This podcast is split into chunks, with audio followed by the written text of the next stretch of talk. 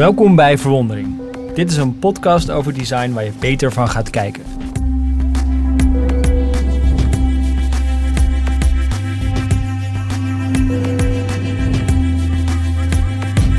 Mijn naam is Ernst Jan Fout en mijn co-host is Harold Dunning. Harold is de oprichter van design studio Monkai. Elke aflevering vertellen Harold en ik elkaar over een ervaring die ons inspireerde. En samen verkennen we wat een ontwerp goed maakt. Want, geloven wij, door samen beter te kijken ga je meer zien. En elke aflevering hebben we een thema. Nou, we dachten het is vakantietijd, dus we gaan het over reizen hebben. Jij hebt uh, twee weekjes Mars geboekt. Ja, het liefst wel eigenlijk. Dat is de droom, hè? Dat is ooit de droom, ja. Maar we gaan deze aflevering uh, op, op reis naar de ruimte. Dus in de vorige aflevering uh, hadden we het uh, over het reizen, wat we allemaal kunnen doen. We, we, stippelen een route uit op de kaart. En ehm, we bezoeken die vulkaan of die berg of dat mooie strand. En nu kijken we omhoog naar de maan en gaan we op reis de ruimte in. Ik heb er helemaal niks mee, eerlijk gezegd. dat is echt een, deze doen we echt voor jou. ik heb als ik... Uh, ja, wij spreken elkaar natuurlijk uh, bijna elke dag. En uh, eens in de zoveel weken heb jij, ben je weer naar de bioscoop geweest voor een film over de maanlanding. En dan twee dagen later ben je weer naar diezelfde film geweest. en je gebruikt, je kan ook niet over een campagne een gesprek met jou voeren, de crowdfunding campagne die je met die correspondent hebt gevoerd, zonder dat je over ruimtevaart begint en een metafoor die je daar omheen hebt gebouwd. Er staan ook op jouw bureau twee ruimtemannetjes. Zeker. Of astronauten. En uh, eigenlijk het enige wat ik heb gedaan de afgelopen paar jaar wat met ruimtevaart te maken heeft, is de biografie van uh, Elon Musk gelezen, waar het heel erg over SpaceX gaat. Oh, wat pikte je daaruit op? Nou, vooral dat het zo onvoorstelbaar is. Wat, hoe, hoe ongelooflijk. De ondernemen is sowieso al moeilijk.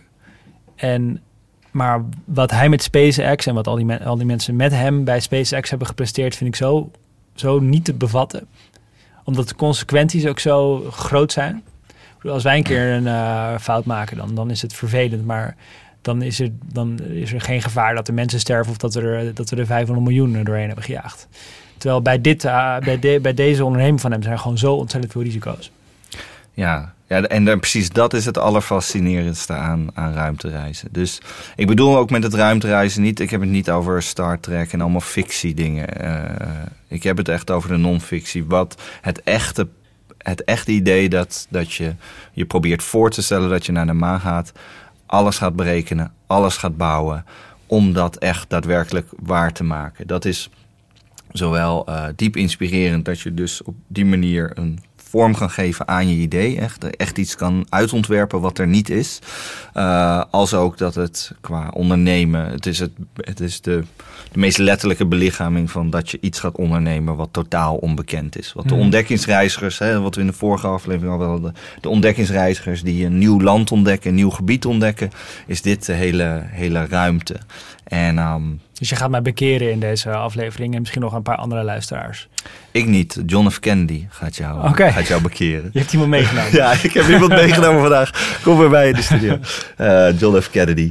En zijn beroemde moon speech die hij uh, in uh, Texas in Amerika gaf in, in 62.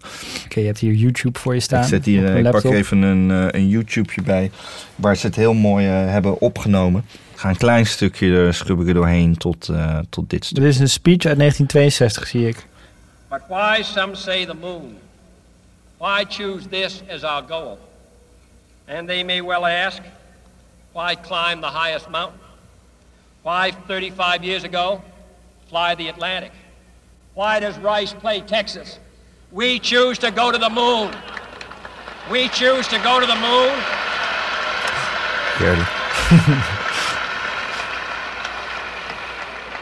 We choose to go to the moon in this decade and do the other things, not because they are easy, but because they are hard.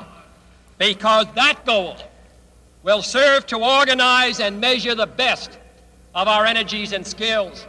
Because that challenge is one that we're willing to accept, one we are unwilling to postpone, and one we intend to win, and the others too.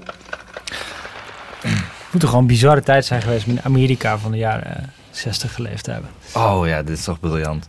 Dit is gewoon het meest grootste wat je kan doen eigenlijk. Dus je zegt gewoon, ik, ik heb geen, geen idee. Op dit moment, hè, dit, dit is in 62, um, dan uh, verdrievoudigt hij het budget van NASA. Dus uh, Ehm, er was ooit een, uh, een soort committee voor space die dingen onderzocht. En toen was er ineens Yuri Gagarin, de eerste mens in de, in de ruimte bij de, bij de Russen. Waardoor iedereen zich helemaal wild schrok in Amerika. Van, hé hey, wacht, wij zijn toch een van de grootste superpowers. Moeten wij niet iets op, op gaan tuigen? Dat hebben ze heel snel NASA, zoals wij dat nu kennen, hebben ze opgetuigd. eh, Voortkomend uit de eh, NACA. Eigenlijk wilde hij de, deze speech wilde hij gewoon uh, eerst uh, in schrift sturen. Dus 80 pagina's uh, speech is dit. wilde hij gewoon in schrift sturen. En toen dacht hij, wacht even, ik moet dat, ik moet dat groter doen. Hij heeft het in, con, in zeg maar, het congres gedaan. En, en hier zo voor het publiek in, in, in Texas. Maar natuurlijk Houston is wat we uiteindelijk allemaal kennen van... Hè, daar zit, daar ja. zit Mission Control. Het is um, veel meer dan dat het soort... Ja, we, we, moeten de ruimte reizen. Het is, het is veel meer... Ik, het is de soort belichaming van de nieuwsgierigheid van de mens. Dat we dit kunnen bereiken. Daarom voelt het ook zo ver weg. Dat, dat er dus ruimte is voor nieuwsgierigheid. Uh, dat is echt een andere tijd. Hè? Ja. ja. Ja, dat is denk ik wel een goede omschrijving. Dat is echt. Uh, dit is ook, dat vind ik dus ook. Dit is een van de mooiste momenten in de mensheid. Dat we echt allemaal één zijn. Dat iedereen daarnaar keek. Dat iedereen nieuwsgierig was waar we heen gingen. Um, uh, dat zou ik zeggen, hè, de, de plakkaat op de, op de, op, um, uh, zeg maar op de zonde in, uh, die op de maan landen, daar staat ook op. Um, We came in peace for all mankind. Alles was juist heel erg op gericht om het. Om niet alleen de, uh, het Amerikaanse, maar om dat juist te overstijgen. Ja. Um, dus dit, dit is uh, binnenkort is het precies 50 jaar geleden, hè, op 20 juli 2019. Ja, zeker. Ja. En ik heb wel, bedoel, ik heb er niet helemaal niks mee. Ik vind het af en toe grappig om me voor te stellen dat, um, dat wij binnenkort ook zo'n moment gaan hebben. Dus dat we met z'n allen naar een scherm zitten te turen en uh, naar de eerste Marslanding gaan kijken. Ja, grappig genoeg duurt dat waarschijnlijk echt nog wel langer mm -hmm. dan mensen vaak denken. En we hebben een beetje dit moment gehad, maar ik weet niet of iedereen dat zo bewust is meegemaakt met uh, Felix Baumgartner, die, uh, die uit. Uh, die meneer die ging springen. Ja, die, is, die deed een soort space dive, maar eigenlijk dat is 39, 39 kilometer omhoog. Dus dat is helemaal niet. Je ziet wel de bolling van de aarde, maar het is nog het dichtst bij het moment dat je soort van iedereen keek naar zo'n moment. Ja, alleen dat was zo, dat hing zo aan Red Bull vast, vond ik. Ja. Dat het bijna dat het niet voelde als. Uh, het voelde, voelde, het, daardoor leek het bijna een soort promotiestunt. Terwijl eigenlijk die prestatie op zich natuurlijk wel ongelooflijk was. Zeker, ja. Niet, maar niet het gevoel voor all mankind. Meer voor. Het voelde meer als. Uh, voor het bedrijf. Ja, dat is waar. Dat is waar, ja. Want ik, in dat SpaceX-boek dat ik las, uh, ging het over 2026. Voor uh, dat ze de Mars, de eerste mensen op Mars verwachten. Is dat ja. nu dan aangepast? Want dat, dat is natuurlijk al vrij snel, voor zeven jaar. Is dat nu aangepast? Ja, volgens mij verandert dat de hele tijd. En uh, het is wel mooi. Ik, ik zag ergens een uh, filmpje van een, van een Engelse professor die ook omschreef dat. Hè, er wordt natuurlijk heel vaak gezegd dat, uh, dat wij daar naartoe gaan. Um, maar dat hij eigenlijk veel meer zei van ja, dat is, dat is een optie om heen te gaan, waarschijnlijk voor avonturiers. En uiteindelijk moeten we toch echt eerst aarde beter begrijpen hoe we op aarde leven. En waarschijnlijk gaan het deels ook doorontwikkelen. En dan word je veel meer, gaan we mensen aanpassen dan dat we echt zo naar Mars gaan. En als er nu gekeken wordt over naar Mars gaan, betekent dat dat, uh, dat we eerst weer naar de maan gaan. En om eerst naar de maan te gaan, gaan we waarschijnlijk eerst een, uh, een soort space station maken die rondom uh, de maan gaat. Dat is je overstapstation of zo. Ja, want het gekke is, je denkt de hele tijd, we gaan de hele tijd verder. Dat vind ik dus het aparte aan. Dus uh, we denken elke keer, oh, we zijn zo technologisch geavanceerd. En wat we nu doen is het meest cutting edge wat je kan ontwerpen. Is het meest bijzonder wat je kan doen. Maar dit is 50 jaar geleden. En um, een van de laatste Apollo-missies ging nog verder langs de achterkant van de maan. Dat is het vers wat de mens is geweest. Ja. Niks is meer zo ver. Dat, dark, dark Side of the Moon. Ja, en de, de, de, de, de International Space Station, hè, wat later kwam en wat een soort gebouw is wat in de, uh, rondom de, de aarde uh, draait. Um, ja, dat is, dat is ergens in de Twilight Zone. Dat is gewoon, dat is helemaal niet zo heel ver van de aarde. Dus die Apollo-missies. En die zijn er, de Apollo-missies is gewoon 68 tot 72, vier jaar. Dat was het. Mhm. Dat is het vers wat we geweest zijn. Er zijn uiteindelijk maar twaalf mensen op de maan geweest. Dat is die tijd. En daarna zijn we nooit meer zo ver geweest. Ja. Terwijl je de hele tijd het gevoel hebt van we gaan zoveel verder, we komen Ja, ik heb wel een tijdje gedacht toen ik jonger was dat eh, er nog steeds regelmatig trips naar de maan werden gemaakt. Dat het inmiddels eh piece of cake zou moeten zijn. Ja, ja, ja, het was wel grappig, want ik ehm, was laatst bij een hele mooie eh, documentaire. Want inderdaad, ik ga naar die films. En er komt dus een hele mooie aan, die is, die is al, eh, ehm, eh, die is net uit. Apollo. Apollo, Ja. Apollo 11, Apollo 11. Ik heb hem in AI gezien op eh, 4K, heel erg aan te raden. Ehm, ook omdat, ik denk wat je daar ook heel fascinerend zou vinden. Het maakt helemaal niet uit of je ruimtereis interessant vindt. Ze filmden, eh, bij NASA was natuurlijk alles soort cutting edge. Dat vind ik ook dus altijd fascinerend, zeg maar. Dus van alles is het dan het beste. En wat, kunnen, is het beste wat we kunnen maken? Het advies is dan meestal maak er twee. Want als de ene kapot gaat, dan heb je de andere nog. Dus dat hebben ze ook gedaan met een camera. Ze hadden hele goede camera's. En ehm, eh, waarmee ze, eh, eh, ze hebben eigenlijk alles rondom de lancering in 70 mm geschoten. En in de ruimte op 16 mm. En ze hebben echt alles gedocumenteerd. Dus misschien herkende je dit nog toen wij samen campagne deden. Dat ik probeerde alles vast te leggen en overal beelden van te hebben. En je weet helemaal niet wat je gaat gebruiken. Nou, deden zij ook maal een miljoen natuurlijk. Ehm, en dat hebben ze. Ja, maar dat was een, een vreemd formaat wat ze moesten opslaan in het archief. En dat lag in het National Archives. Er is heel lang niks mee gedaan, tot nu. Dat kan je nu allemaal zien in die eh, documentaire. En wat ze heel gaaf deden is. ehm, eh, ze hebben het dus allemaal gescand. eh, in, eh, door eh, Douglas Miller, dat is de, de regisseur. Heeft dat allemaal gescand. En ehm, dan, daardoor is alles haarscherp. Wordt het eh, van, van oude filmbeelden wordt het 4K bioscoopbeeld. En als je naar die film gaat, dat heb je nog nooit gezien, alles uit de jaren 60. Je kent natuurlijk wel speelfilms en zo. Maar nu zie je de, de echte wereld haarscherp voor je. Ik heb nog nooit zoiets gezien dat je echt in die. Alsof Of je naar een de. sepia-laagje overheen of zo. Nee, het is gewoon helemaal zoals. En dus die suikerspinkapsels van vrouwen. En de auto's met gevleugelde achterkanten. En ehm, je ziet gewoon eh, Neil Armstrong of Buzz Aldrin, de tweede man op de, op de maan. Ehm, die zie je gewoon zo scherp. Dat zijn alleen maar mensen die ken je van vage beelden Ja, of van korrelig, klassieke. ja. Ja, van hè, uit de tijd van Walter Cronkite en zo. Weet je wel, dat is echt.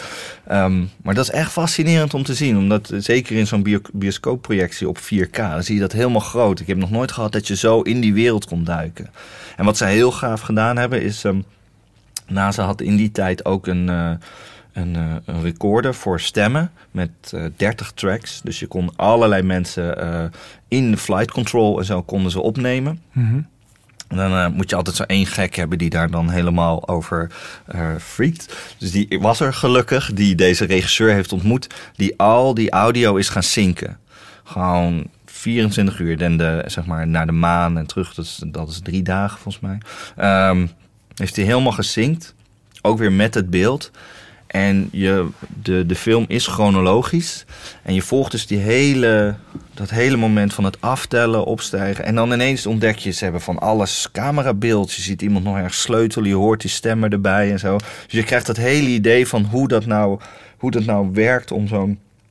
Ja, je hebt zo'n absurde, absurde raket ontworpen en dat die echt gaat werken. Het is echt, het is fascinerend. Je ziet echt zo al die mannen. Je ziet één vrouw, want het is helaas natuurlijk, het is altijd heel weinig vrouwen in die tijd nog. Ehm, maar die heeft hij wel heel mooi in beeld gebracht. Ehm, dus je ziet echt fantastische beelden. Je bent daar helemaal bij.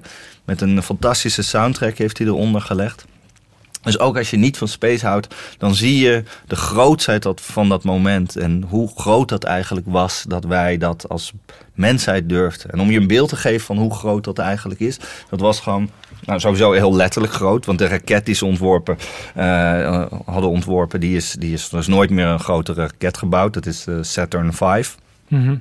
Dus ze hadden een raket ontworpen die is Is die nog groter dan die dingen die eh, Elon Musk nu maakt? veel groter. Dit Oh, is wow. echt eh 15 meter hoger dan de Big Ben. Oké. Dan kan je wel, moet je je voorstellen dat de Big Ben dus gewoon opstijgt. Zeg maar, zo groot is het. En het is zo groot omdat je de brandstof moet hebben om de brandstof die je moet hebben naar boven te schieten. En daar moet je weer brandstof voor hebben. Je hebt zeg maar zoveel modules. Alright. Dus een raket is eigenlijk allemaal moduletjes. En ehm, dus eh, uiteindelijk heb je, om een maanlanding te doen, heb je een raketje nodig en een maanlander. En de maanlander moet weer terug op het raketje en dan kan je terug naar de aarde. Om dat te doen moet je dus een gebouw van hoger dan de Big Ben bouwen om in de lucht te schieten. Je kan je voorstellen, dat is zo knijterduur, dat kan helemaal niemand meer. Ja. Ehm, en wat ze nu natuurlijk doen, hè, daar hebben ze de space shuttles uiteindelijk ook voor ontworpen, is dat je ehm, een manier hebt dat je, een, een, eh, dat je weer terug kan komen. Dus dat je niet alleen maar eh, iets eh, maakt wat één keer schieten en dan weg. Maar de Saturn V raket werkte wel heel goed. Eh, en het werkte zo goed, dat vond ik ook fascinerend. Ehm, dus is dat ze. een van de belangrijkste ontwerpers aan die raket is Werner von Braun. Mhm. En Werner von Oh, Braun. kijk, we gaan nu, ik, ik had al heet een punt van orde dat ik wilde maken, maar ik kwam er niet tussen. Om, de luisteraar begrijpt waarom. En dat was de vraag, dit is geen podcast over ruimtevaart, Harold. En je hebt me al lang overtuigd naar die documentaire te gaan. Dat kan ik nu niet meer omheen. Maar wat heeft het met ontwerpen te maken en design? Maar dat gaan we nu, eh, Werner von Braun, gaan we dat nu... eh, Nou, eigenlijk is dit allemaal. Dit is een ander soort ontwerp. Dus er zijn helemaal geen echte ontwerpers op die manier bij een NASA of zo. Dat zijn Mhm. allemaal engineers. Allemaal ingenieurs die ontwerpen. En. ehm, eh, de, nee, een van degenen die hier, ehm, die, die, de, de, de, de vader is van die Saturn V, ehm, de, de, de, de, grootste raket die we bouwden en die echt supergoed werkte. Het altijd gewerkt. Ik denk misschien 13 vluchten of zo. En ehm, die Werner van Braun die heeft eh, ooit in de jaren 30 een, eh, een PhD gedaan. Heeft hij een hele eh, onderzoek geschreven over de, de baan die een raket aflegt en zo. En dat vond, vond de Duitse leiding eigenlijk eh, heel erg eh, interessant. Nou, de nazi's kwamen helaas aan de macht. En hij was een van de eh, ja, rocket scientists die aan de basis staat. Of hij is eigenlijk de vader van de V2-raket. mhm. Dus de V2-raket die kon op een gegeven moment konden ze daar eh, Engelse steden mee bombarderen en uh, geallieerden mee bombarderen. En die raket die werkte steeds beter. En aan het einde van de oorlog hebben de Amerikanen eh, een operatie opgezet, op Operation eh, Paperclip, waarmee ze eh, uiteindelijk volgens mij wel 1600 wetenschappers eh, hebben verzameld en eigenlijk een soort van kidnapt. En naar Amerika hebben gebracht. En uiteindelijk is die Werner von Braun. Dus ze hebben eigenlijk gewoon een soort brain drain heel effectief gedaan. Van oké, dit zijn de slimste geesten. Een soort eh, creatieve eh, krijgsgevangenen. Operation Paperclip, Ja, dat is wel een mooi eh, eufemisme. ja, de- ja, ja, ja, het is wel grappig. Ja, het, het heet Paperclip omdat ehm, ze, de, de, degene die dan eh, eh, hadden ze zeg maar eh, allemaal eh, dossiers van al die wetenschappers. En degene die interessant waren voor hun ontwikkeling. Van hoe kunnen we nou echt vooruit gaan lopen in onze technologische ontwikkeling. Hoe kunnen we echt slimmer ontwerpen. Daar deden ze een paperclipje omheen. En die moesten ze dus allemaal Ah. hebben. En ehm, eh, dus het is heel mooi dat Werner van Braun zijn, zijn, zijn, zijn, zijn creatieve geest en, en, en waarschijnlijk natuurlijk een super slimme man, eh, dat ze die konden gebruiken voor, eh, voor het goede, Ja, voor dat absurde. half Londen platform was gebombardeerd Ja. door zijn technologie. Nou, hij was natuurlijk heel, ja, ik weet het niet. Ik, weet, ik heb te weinig verdiept in de band Werner van Braun. Ik kan hem niet verdedigen daarin. Maar ehm, ja, dat is wel fascinerend. Ehm, en uiteindelijk hebben ze dus die raket gebouwd. En als je dan bedenkt. Dus ik was ook wel benieuwd, hoe, ontwerp je dan zoiets? Hoe gaat zoiets? Dat zijn dus uiteindelijk 400.000 mensen hebben daaraan gewerkt. En dat- 400.000 mensen 400.000. aan die ene raket. ja, om zeg maar de man op de maan te krijgen. Dus zo zo Ja. kan je het zien eigenlijk. En ehm, dat komt neer feitelijk op dat je zes keer een ruimteschip hebt ontworpen. Dus zo- je ontwerpt om eh, bijvoorbeeld allerlei fases in een reis te testen. Maar de, de grote Saturn V, dat wilde die eigenlijk, wilde Werner van Braun, alle fases die die raket doorgaat, dus alle momenten dat hij eruit komt, wilde die los testen. Maar er was eigenlijk geen tijd meer, omdat Kennedy in zijn speech had gezegd, aan het einde van de jaren 60 zetten wij een man op de maan. Dus er was heel veel, er was heel veel haast. Ehm, eh, dat hele pad, om dat heel mooi te zien, dat kan je heel mooi zien in eh, First Man. Dat is gewoon een Hollywood film met... eh, Ja, dat is een film die je eind vorig jaar, eind 2018, een stuk of drie keer in de bioscoop hebt gekeken. Ja, die is echt fantastisch. Met eh, Ryan Gosling en, eh, en, en eh, regisseur eh, Chazelle. Weet je wat zij eerder maakte? Nee. La La Land. Oh, oké. Dus, ehm, maar wat die heel mooi doet, ehm, waardoor het misschien ook meer voor je gaat leven, is dat je dan ineens dan wordt het weer helemaal teruggebracht tot een heel... Het is een hele mooie, serieuze eh, biopic die um, heel mooi laat zien van... Dit zijn ook maar gewoon mensen die iets proberen. Het zijn wel hele slimme mensen en iedereen is heel gedreven. En dat is natuurlijk heel herkenbaar als je zelf een project doet. Of je weet ook niet precies hoe alles gaat. Dat zie je ook in deze. Je, je krijgt heel erg mee, bijvoorbeeld met als zij rakettesten en zo doen. Dan ga je heel erg in die cockpit. Daar laat je er bijna niet uit. Het is heel claustrofobisch. En je voelt dan alles van, ja, dit zijn ook maar gewoon platen metaal met klinknagels. Ja, en, ja, ja. Weet je, het zijn ook maar gewoon mensen, door mensen in elkaar gezet. Uh, dat gevoel zit daar heel, heel mooi in. Waardoor je ook heel erg ziet van ja, dit is niet. Wij zeggen natuurlijk wel eens. Um, dit is een soort rocket science of dit is, uh, dit is uh, het meest geavanceerde, dit gaat de ruimte in. Maar ja, dat is ook, moet je ook maar testen. Ja, moet dat je heeft ook iemand maar in elkaar uh, ge gehamerd. Ja. ja, en dat vond ik zo fascinerend bijvoorbeeld aan de speech van eh, Kennedy. In die tijd wisten we niet eens of hersenen werkten in space. Hmm. Dus je wist niet eens of je in gewichtsloosheid, of je dan weet je, of je dan wel scherp bent, of je dan wel kan nadenken of zo. Dat wisten we nog helemaal niet op dat moment. zo, zo absurd is die tijd. En dat je dan soort dat grootste. En ik moet ook letterlijk aan zo'n speech denken dat hij dan zegt: um, we, we, doen dit omdat, het, omdat we dit kunnen doen, omdat we willen voorlopen hierop, omdat het belangrijk is dat we daarheen gaan, dat we dat doen vanuit een, vanuit een vreedzaam perspectief. Um, uh, not, not because it's easy, but because it's hard. Ja, dat vooral. Ik heb ook wel eens met ruimtevaart, als ik dan, uh, ondernemen is natuurlijk best lastig en af en toe zit je even in de dieptepunt en dan denk ik ook wel eens bij mezelf, nou in ieder geval ben ik geen raketten aan het bouwen. dat is pas echt ingewikkeld. Ik vind het ook altijd heel, ik vind het ook een soort relativerend. Aan de ene kant is het heel motiverend, maar aan de andere kant is het ook relativerend voor wat je zelf aan het doen bent, vind ik altijd. Ja, ja het is. Um, het is vatbaarder daarin. Al zou je kunnen zeggen dat waarschijnlijk mensen die echt raketten ontwerpen zeggen: ja, maar dit kan ik allemaal berekenen. Waarschijnlijk wel, ja. Ik ja, en dan wij, wij te beredeneren. Ja, precies. Ja. Ja, precies. Dus het is, ik denk dat zij daar heel veel, uh, heel veel zij zou weer heel ongemakkelijk worden van de emotionele kant van de dingen die wij maken. En dat je juist niet te berekenen valt of iets gaat werken. Ja, dat is ja. gewoon onbegrijpelijk waarschijnlijk. Dus ik, als je vanuit een NASA-perspectief of vanuit een engineer daar, dat is, het doel is heel duidelijk en heel, uh, heel absoluut. Dus het is, zij kijken er gewoon heel simpel naar. Wat is de meest efficiënte manier om deze missie succesvol af te ronden en om de crew weer veilig naar aarde te krijgen? En al het andere maakt niet zoveel uit. En gelukkig zijn het ook wel mensen af en toe. Dus bijvoorbeeld op de allerlaatste Apollo-missie. Die, uh, dat is de enige missie die, waarbij ze uh, uh, s'nachts opstegen. Omdat ze op een, zodat ze op een andere plek op de maan konden komen.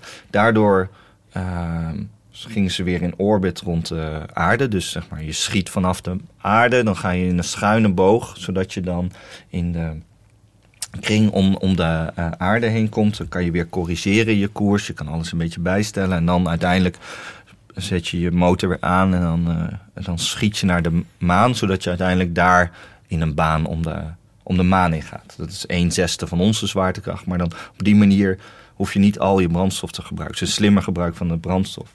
Maar omdat ze toen gingen is dat dus het enige moment, de enige menselijke foto dat je de volledige aarde ziet.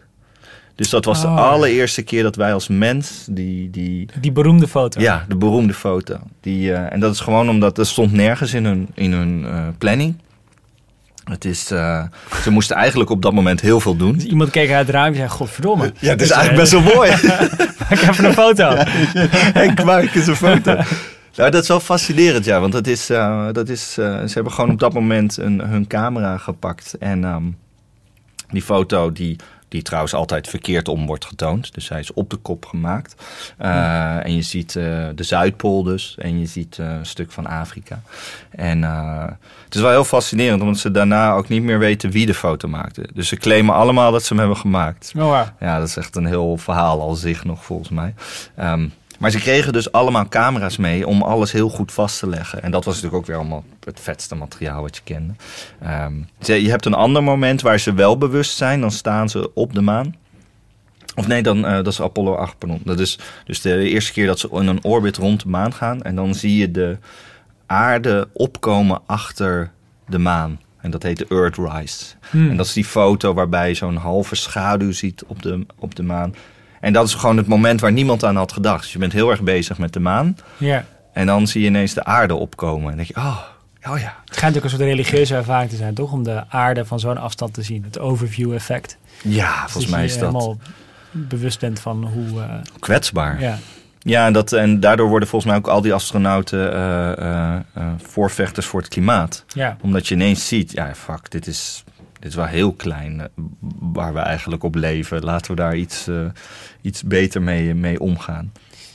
Zou je eigenlijk zelf ooit de ruimte in willen?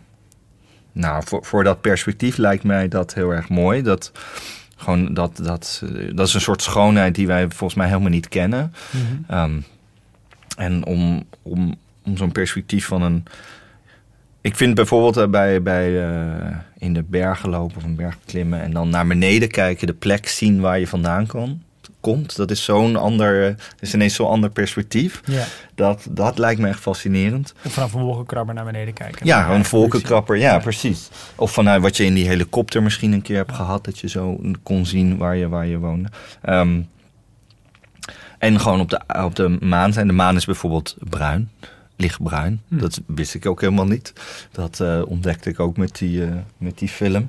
Ehm, ja, dat, dat lijkt mij eigenlijk eh, heel interessant. Ik zou niet per se in zo'n kolonie willen wonen of naar Mars willen. En Mars is echt maanden reizen. De maan is gewoon drie dagen, dan chill. Ja. Dat, dat lijkt me heel leuk. Midweekje. Midwe midweekje baan. Dat lijkt me heel fascinerend. Ehm, mits dat natuurlijk ook dan tegen die tijd ook wel een beetje vriendelijk is voor het milieu. Ja, dat is nog een hele uitdaging die, eh, die nog ergens op een lijstje staat waarschijnlijk. Van hoe je dat niet eh, zonder al die benzine kunt doen. Of olie of weet ik veel wat erin gooien. Dat weet je waarschijnlijk. Nou ja, volgens mij die, die, die eh, eh, wat was het, die Apollo 11, die deed volgens mij iets van 40.000 liter per, eh, voor zijn beginstuk. Hè? Dus dat is het dikste laag van onze atmosfeer om doorheen te schieten per seconde, dat we doorheen eh, jagen. Dus ja, dus dat is echt extreem wat je er doorheen jaagt. Ja, dat is niet echt, eh, echt te doen. Maar ja, nee, ik vind het dus heel fascinerend eigenlijk dat je zoiets kan verzinnen en dat je het dan echt kan doen. En de maanlanding in die zin is is, het, is de grootste belichaming daarvan. Want je, alles ging ook super smooth uiteindelijk. Hè. Het ging helemaal goed. Vlak voor de landing op de maan krijgen ze nog wel allemaal alarmpjes. En die negeren ze dan. Dan gaat het eigenlijk allemaal eh, goed. En die Michael Collins die blijft dan achter in de capsule. En op een gegeven moment vliegen ze naar hem terug. Ehm, dus dat is heel fascinerend om zo te, om zo te zien. Eh, dus dat je dat helemaal kan verzinnen, helemaal goed kan berekenen. Maar dat is eigenlijk de schoonheid van hoe je zo'n hele baan kan berekenen. En schoonheid van wiskunde bijna, denk ik. Ehm, uiteindelijk zijn ze natuurlijk een soort, soort ehm, eh, gebouw gaan bouwen in de ruimte. Want De voorloper was eh, Skylab, dat hebben ze twee jaar gehad of zo. En later zijn ze die IS gaan maken. En is het dus ook een hele mooie manier van wat je dus...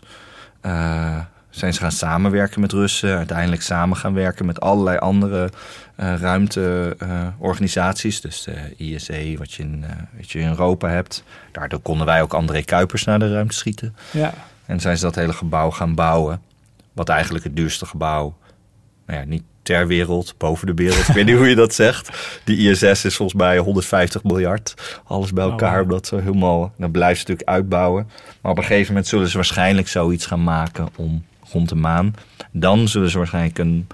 Er, ligt hier trouwens een heel mooie eh, eh, roadmap voor van, eh, van, van NASA en van al deze organisaties samen. Hoe ze dat ongeveer willen uitontwerpen. Dus een space station rond de maan. En dan een, eh, een soort eh, project op de maan zelf starten.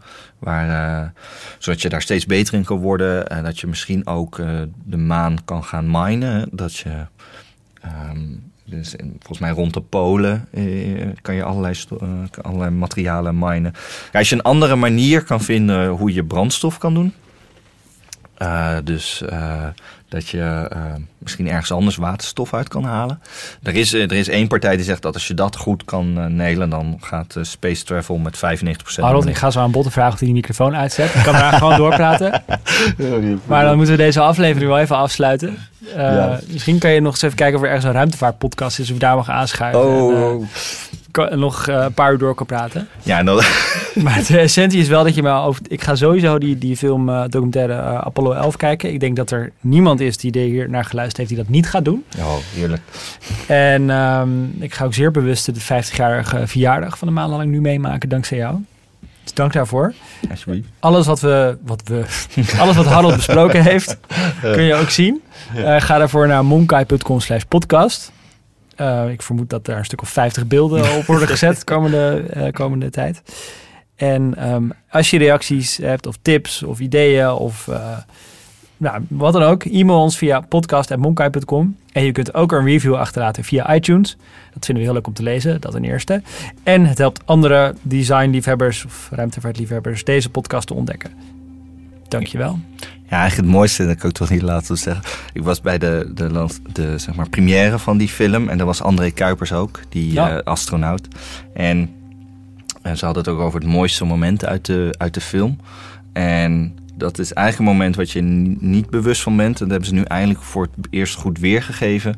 Uh, het mooiste moment, ook voor ook wat uh, Armstrong zei, is niet het moment dat hij landde op de maan. Is niet het moment dat hij terugkeerde naar de maan. Um, is niet de aarde zo zien. Dat is het moment dat ze, ze doen een paar rondjes rond de aarde. En dan slinger je naar de maan.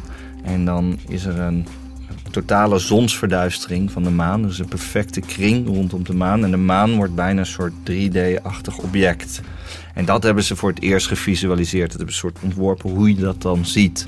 En dat zie je in de film. En hij heeft dat, die filmmaker heeft het getest bij Buzz Aldrin, de laatste mhm. levende astronaut.